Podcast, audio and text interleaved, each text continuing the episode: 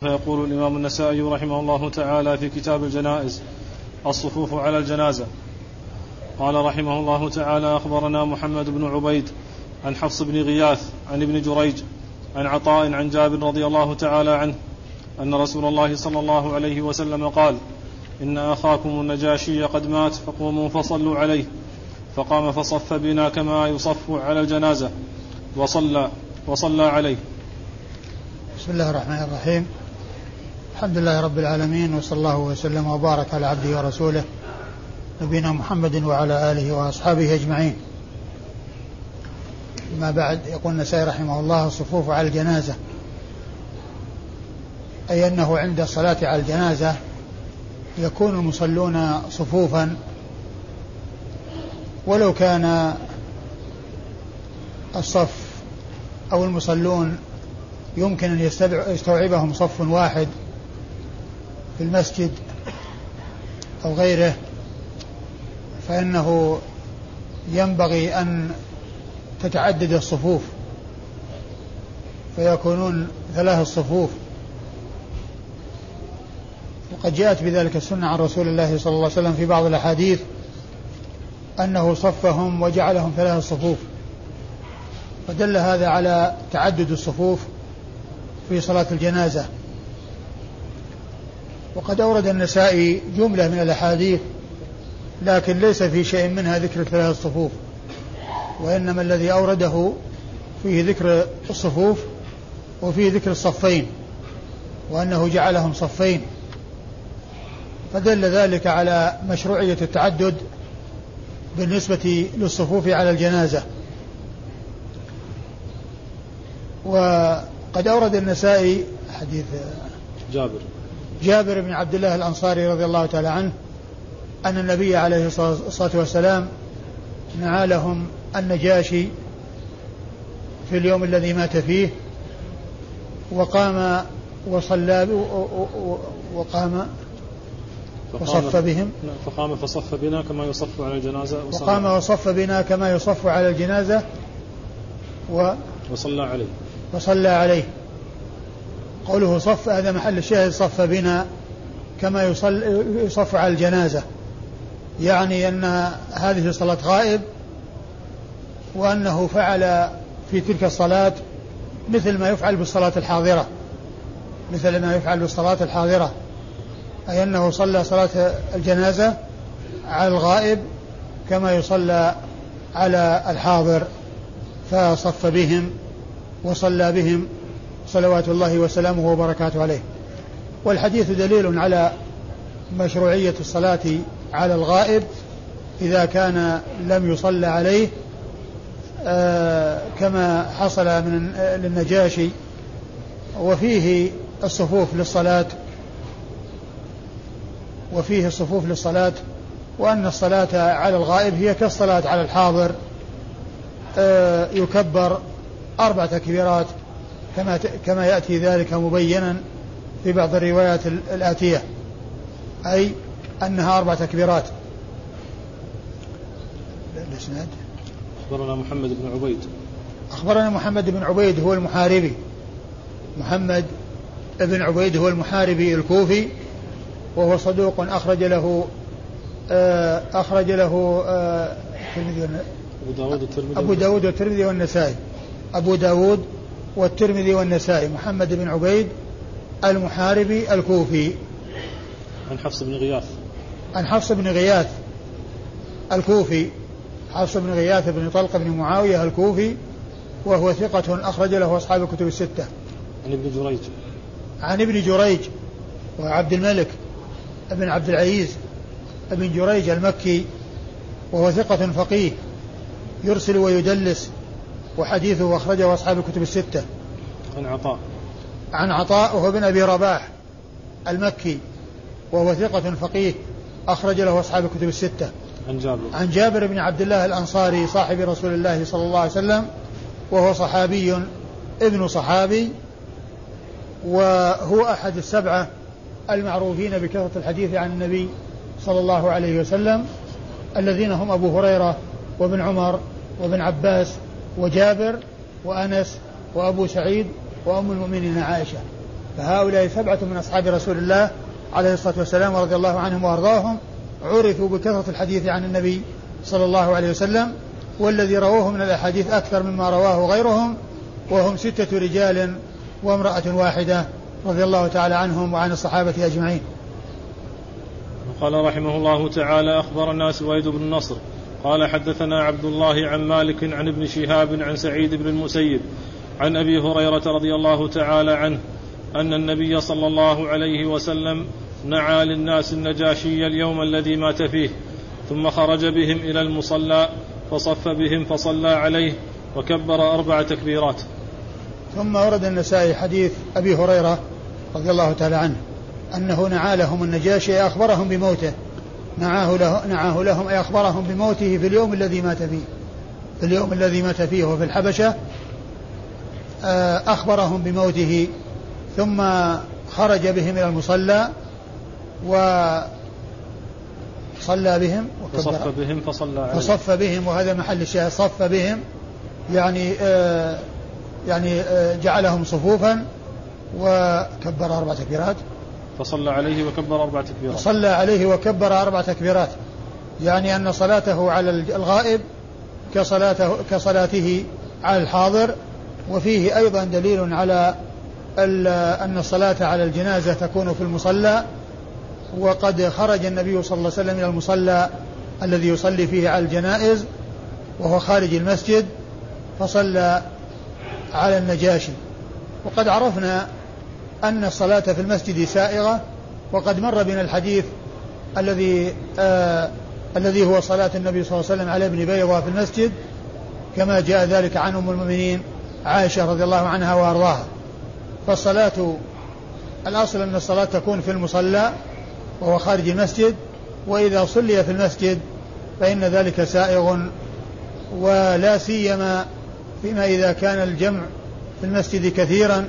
وأنه لا يتأتى اجتماعهم في مكان آخر غير المسجد والصلاة في المسجد لها أصل ثابت عن رسول الله عليه الصلاة والسلام وهو حديث عائشة الذي مر بنا بالأمس والذي تقول فيه أم المؤمنين عائشة ما صلى رسول الله صلى الله عليه وسلم على ابن بيضاء على سهيل بن بيضاء إلا في المسجد. الإسناد؟ أخبرنا سويد بن نصر. أخبرنا سويد بن نصر المروزي. ثقة أخرج حديثه الترمذي والنسائي. عن عبد الله بن المبارك المروزي وعبد الله هنا غير منسوب. وكلما جاء عبد الله غير منسوب يروي عنه سويد بن نصر فهو عبد الله بن المبارك المروزي. وعبد الله بن المبارك المروزي ثقة ثبت جواد مجاهد عابد جمعت فيه خصال الخير. كما قال ذلك الحافظ بن حجر في ترجمته في تقريب التهذيب. وحديثه أخرجه أصحاب الكتب الستة.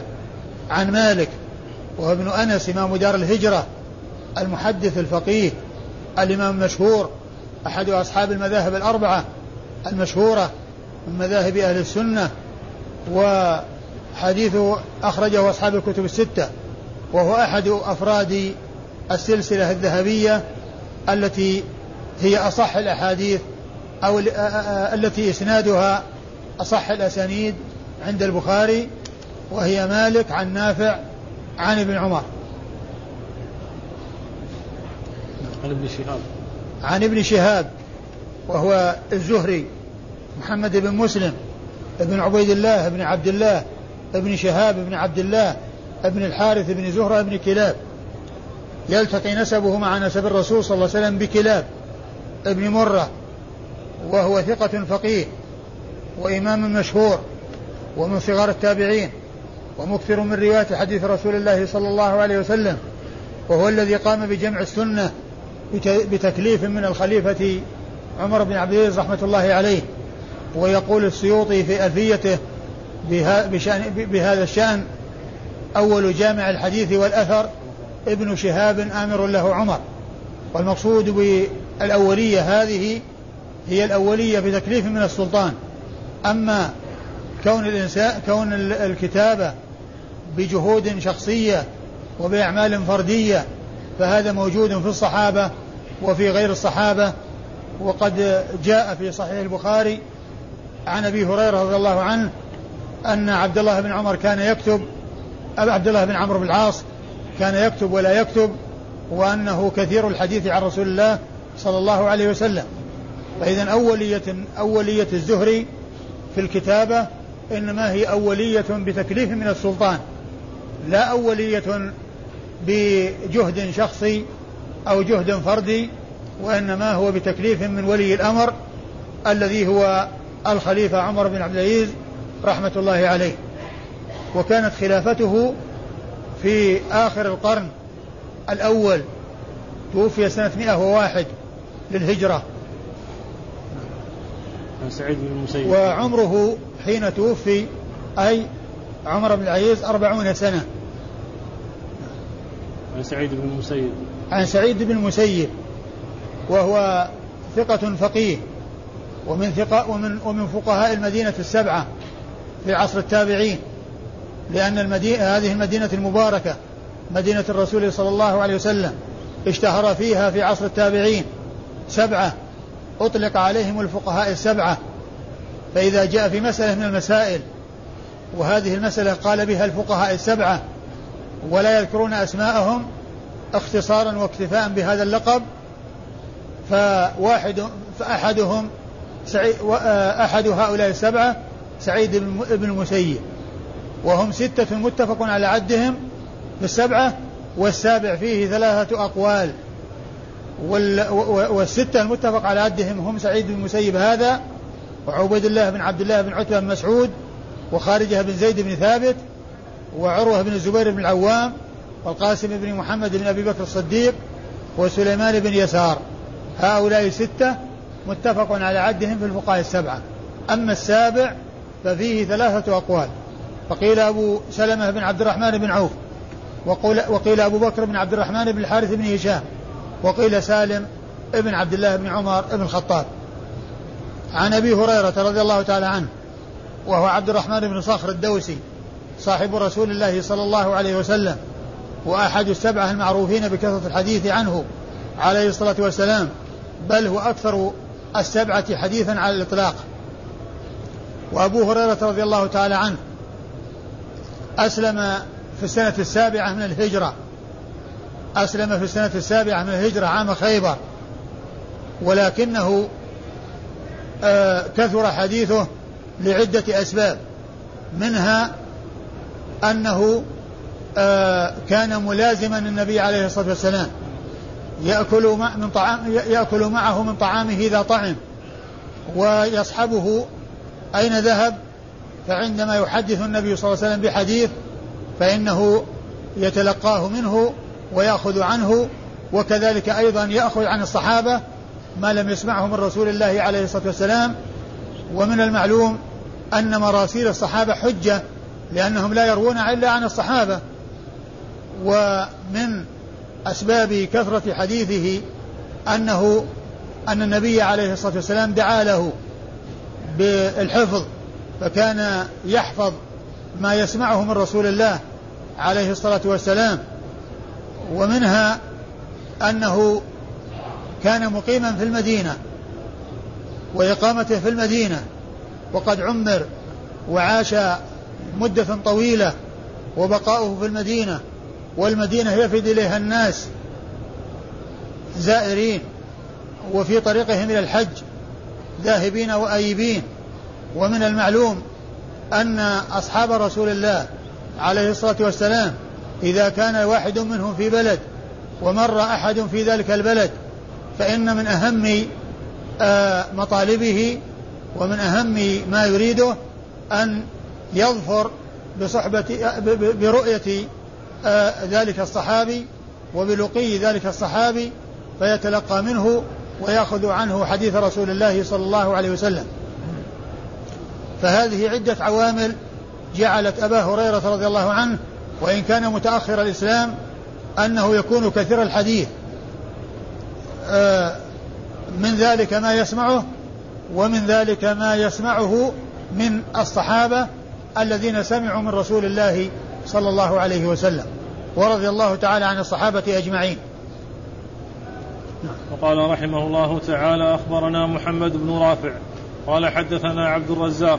قال أخبرنا معمر عن الزهري عن ابن المسيب وأبي سلمة عن أبي هريرة رضي الله تعالى عنه قال نعى رسول الله صلى الله عليه وسلم النجاشي لأصحابه بالمدينة فصفوا خلفه فصلى عليه وكبر أربعا قال أبو عبد الرحمن ابن المسيب إني لم أفهمه كما أردت. ثم أورد النسائي حديث أبي هريرة رضي الله تعالى عنه من طريق أخرى وهو مثل الذي قبله. نعى لهم النبي صلى الله عليه وسلم النجاشي في اليوم الذي مات فيه و وإيش وصفوا خلفه فصلى وكبر عليه وصفوا خلفه وهذا محل الشاهد. يعني صفوا خلفه وصلى بهم وكبر أربع تكبيرات.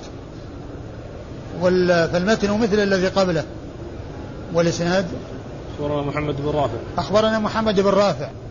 محمد بن رافع هذا هو النيسابوري القشيري. هو من آه شيوخ مسلم ومن قبيلة مسلم وهو من بلد مسلم. فمسلم قشيري نيسابوري قشيري من حيث القبيلة ونيسابوري من حيث البلد ومحمد بن رافع شيخه مثله. أي أن الكل من نيسابور والكل من بني قشير. ف محمد بن رافع هذا قشيري نيسابوري وهو ثقة عابد وحديثه أخرجه أصحاب الكتب الستة إلا ابن ماجه فإنه لم يخرج له شيئا. وهو ممن أكثر عنه الإمام مسلم في صحيحه. بل إن صحيفة همام بن منبه التي روى مسلم في صحيحه منها أحاديث كثيرة إنما أخرجها من هذه الطريق وهي محمد بن رافع عن عبد الرزاق عن معمر عن همام بن منبه عن أبي هريرة. فالأحاديث التي أخذها أو رواها الإمام مسلم من صحيفة همام ابن منبه التي تبلغ 140 حديثا آه رواية مسلم إياها إنما هو من طريق شيخه محمد بن رافع. عن عبد الرزاق وهو ابن همام. الصنعاني اليماني المحدث الحافظ المصنف و وهو ثقة أخرج له أصحاب الكتب الستة. وقد وصف بالتشيع. ولكن التشيع الذي الذي وصف به لا يضيره شيئا لأن المقصود منه أنه يفضل عليا على عثمان رضي الله تعالى عن الجميع. وتفضيل علي على عثمان هذه من المسائل التي لا يبدع من يقول بها ولا يضلل والمشهور عن أهل السنة تقديم عثمان على علي ولكن بعض أهل السنة وهم قليلون منهم عبد الرزاق هذا ومنهم عبد الرحمن بن أبي حاتم الإمام ابن الإمام ومنهم الأعمش ومنهم ابن جرير أشخاص قليلون جاء عنهم القول بتفضيل علي على عثمان من حيث الفضل لا أنه أولى منه بالخلافة لأن كون عثمان أولى بالخلافة هذا محل اتفاق ولا يخالف في ذلك أحد و والمخالف في ذلك يضلل لأن الصحابة رضي الله عنهم وأرضاهم اتفقوا على تقديم عثمان على علي فالقول بأنه أحق منه بالخلافة. اعتراض على اتفاق الصحابة وعلى تقديم الصحابة إياه. أما مسألة الفضل, وأنه أفضل منه فإن الذين قالوا بذلك لا يبدعون ولا يضللون وإن كان قولهم خلاف المشهور من قول أهل السنة والجماعة وهو تفضيل عثمان على علي كما جاء في صحيح البخاري عن عبد الله بن عمر رضي الله عنه أنه قال كنا نخير ورسول الله صلى الله عليه وسلم حي فنقول أبو بكر ثم عمر ثم عثمان. فيبلغ ذلك النبي صلى الله عليه وسلم ولا ينكره. فدل على تقديم عثمان على علي في الفضل وأن من خالف في ذلك من أهل السنة فقدم عليا على عثمان في الفضل فإنه لا يبدع ولا يضلل ولا يضره شيئا. وإذا فالتشيع الذي نسب إلى عبد الرزاق وهو من هذا القبيل لا يضره. عن معمر وهو ابن راشد الأزدي البصري نزيل اليمن وحديثه وهو ثقة أخرج حديثه أصحاب الكتب الستة. عن عن الزهري. عن الزهري وقد مر ذكره. عن سعيد بن المسيب عن سعيد بن المسيب وقد مر ذكره. وأبي سلمة وهو ابن عبد الرحمن بن عوف وهو أحد الفقهاء السبعة في المدينة في عصر التابعين على أحد الأقوال الثلاثة في السابع والذين أشرت إليهم آنفا. عن أبي هريرة وقد مر ذكره. وقول أبي عبد الرحمن النسائي في آخره ابن مسيب لم أفهمه كما أردت. مقصود من ذلك أنه لم يكن جازما بأن ابن المسيب هو في هذا الإسناد من هذا الطريق وإن كان عنده من الطريق السابقة التي هي غير طريق محمد بن رافع. لكن طريق محمد بن رافع هو جازم بأن الحديث من طريق أبي سلمة ولكنه لم يجزم بأن ابن المسيب فيه نعم. قال رحمه الله تعالى أخبرنا علي بن حجر قال أخبرنا إسماعيل عن أيوب عن أبي الزبير عن جابر رضي الله تعالى عنه أن رسول الله صلى الله عليه وسلم قال إن أخاكم قد مات فقوموا فصلوا عليه فصففنا عليه صفين جابر؟ حديث جابر نعم. نعم جابر؟ نعم. ثم ورد النسائي حديث جابر رضي الله تعالى عنه وأرضاه أن النبي عليه الصلاة والسلام آه، أخبرهم بموت النجاشي وأنه آه، خرج وصلى بهم وأنه جعلهم صفين. وهذا فيه آه، محل الشاهد أو هذا محل الشاهد وهو تعدد الصفوف وأنه جعلهم صفين. المهم أن الصفوف تتكرر وتعدد وتتعدد والأولى أن تكون ثلاثة آه أن تكون ثلاثة. وفي الحديث هذا الحديث أنه جعلهم صفين. فذلك سائغ وذلك سائغ ولكن كونها ثلاثة هو الأولى. كما جاء ذلك في بعض الأحاديث حيث صفهم وجعلهم ثلاث صفوف. نعم. أخبرنا علي بن حجر. أخبرنا علي بن حجر وهو ابن إياس. السعدي المروزي ثقة حافظ أخرج له البخاري ومسلم والترمذي والنسائي بل إن مسلما أكثر من الرواية عنه. علي بن حجر ومحمد بن رافع هذان ممن أكثر عنهما الإمام مسلم في صحيحه. عن إسماعيل. عن إسماعيل وهو بن علية إسماعيل بن إبراهيم ابن مقسم المشهور بابن علية وهو ثقة أخرج له أصحاب الكتب الستة. عن أيوب وهو ابن أبي تميمة السختياني وهو ثقة أخرج له أصحاب الكتب الستة أيضا. عن عن أبي الزبير. عن أبي الزبير وهو محمد بن مسلم ابن تدرس المكي وهو صدوق يدلس وحديثه أخرجه أصحاب الكتب الستة. عن جابر بن عبد الله الأنصاري وقد مر ذكره.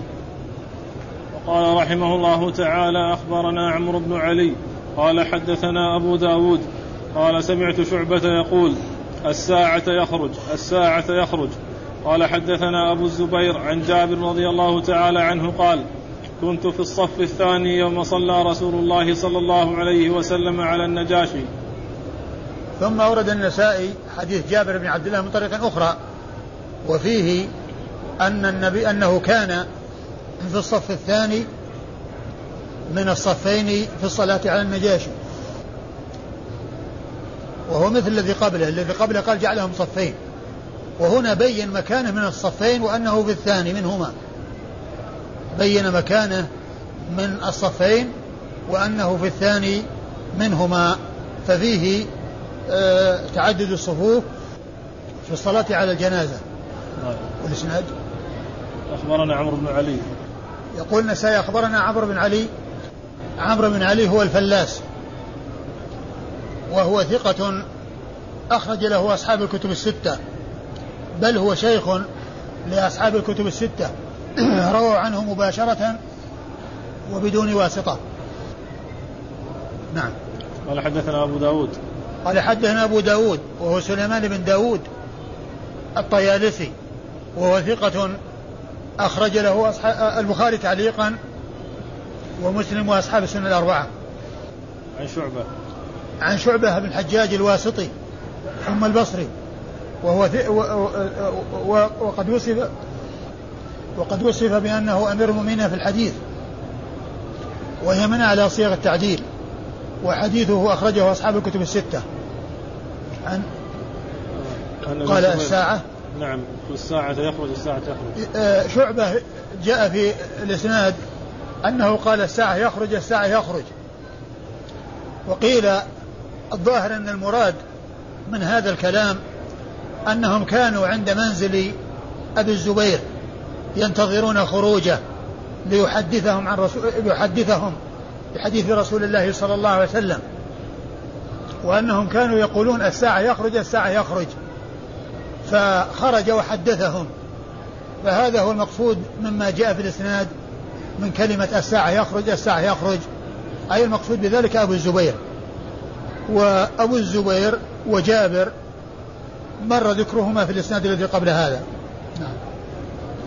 وقال رحمه الله تعالى أخبرنا إسماعيل بن مسعود قال حدثنا بشر بن المفضل قال حدثنا يونس عن محمد بن سيرين عن أبي المهلب عن عمران بن حسين رضي الله تعالى عنه قال قال لنا رسول الله صلى الله عليه وسلم إن أخاكم النجاشي قد مات فقوموا فصلوا عليه.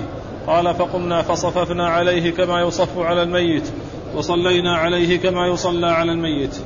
ثم ورد النسائي حديث آه، عمران بن حصين رضي الله عنه وهو مثل الأحاديث التي تقدمت فيها نعي النجاشي وأمرهم بالصلاة عليه وأنه قام وصف بهم وصلى عليه كما يصلى على الميت وصف بهم كما يصف على الميت أي أن صلاة الغائب كصلاة الحاضر أي أن الصلاة على الغائب أنها كالصلاة على الحاضر. وأما إسناد النسائي فيقول أخبرنا إسماعيل بن مسعود. أخبرنا إسماعيل بن مسعود البصري وهو ثقة أخرج حديثه النسائي وحده. عن بشر بن المفضل. عن بشر بن المفضل وهو ثقة أخرج له أصحاب الكتب الستة. عن يونس.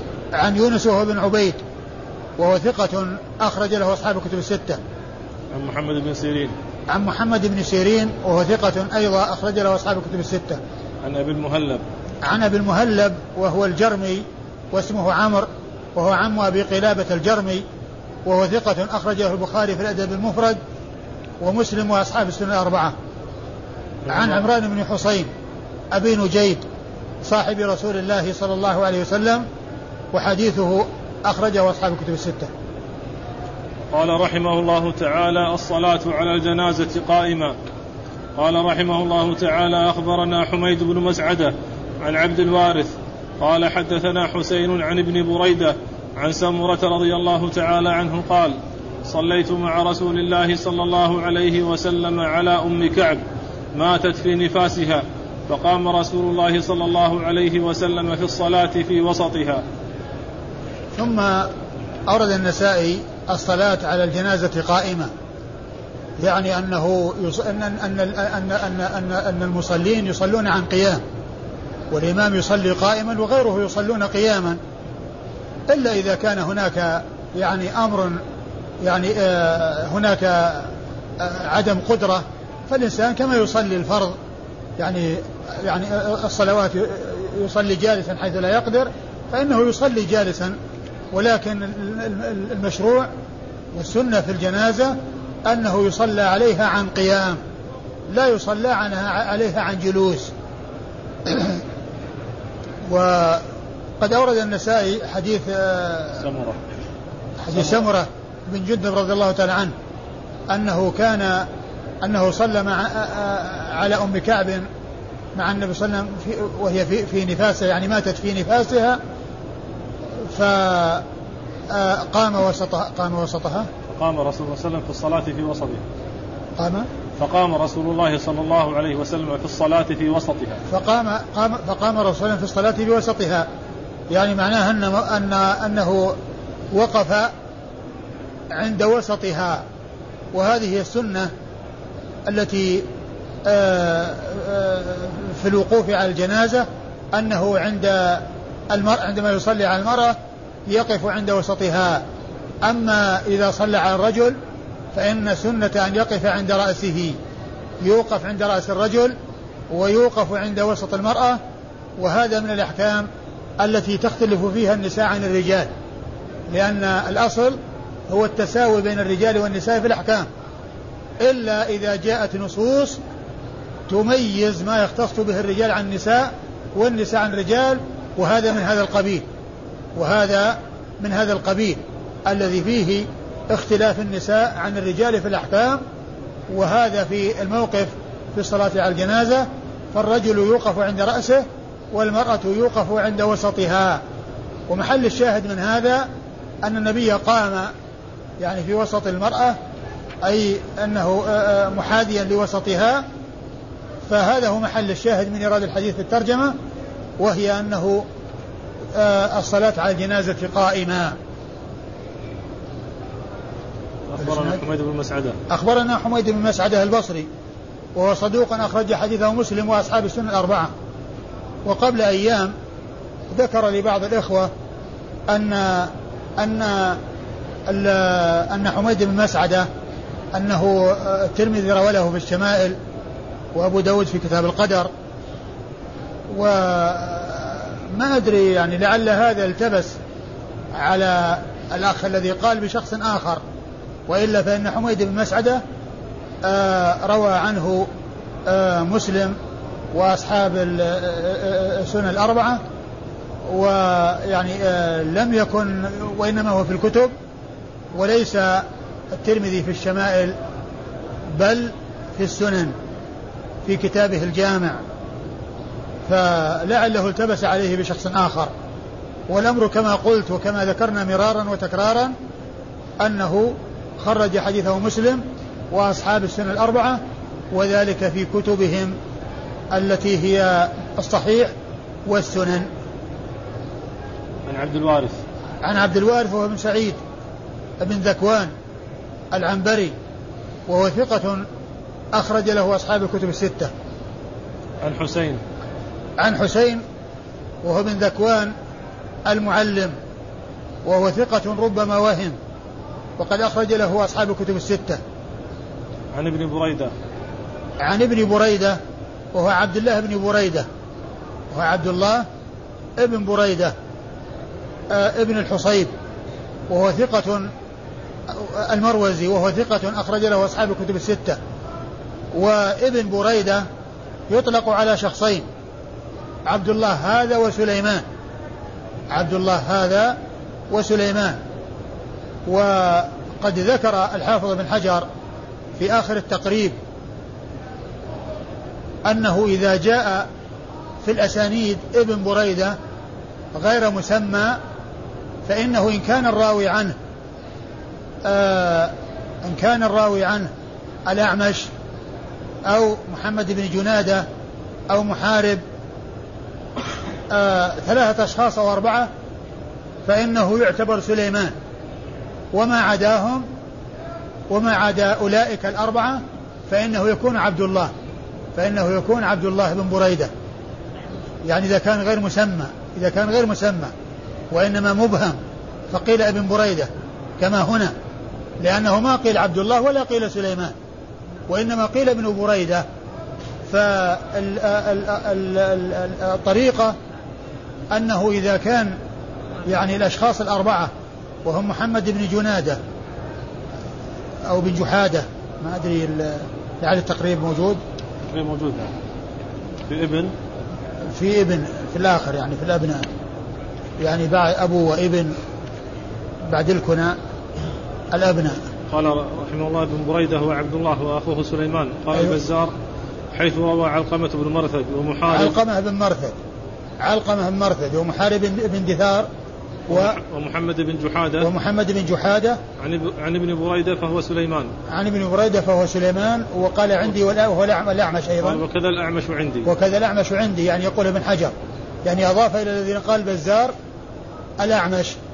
فإذا جاء هؤلاء الأربعة يروون عن ابن بريدة غير غير منسوب فهو سليمان. ومن عدا هؤلاء فهو عبد الله. وهنا الذي يروي من هو؟ الذي يروي عنه في الإسناد؟ هشيم حسين, حسين. المعلم نعم. حسين بن ذكوان المعلم يعني غير الأربعة. فيكون عبد الله. يكون هذا الغير المسمى يكون عبد الله. آه. عن سمرة. عن سمرة بن جندب صاحب رسول الله صلى الله عليه وسلم وحديثه أخرجه أصحاب الكتب الستة. والله تعالى أعلم وصلى الله وسلم وبارك على عبده ورسوله نبينا محمد وعلى آله وأصحابه أجمعين.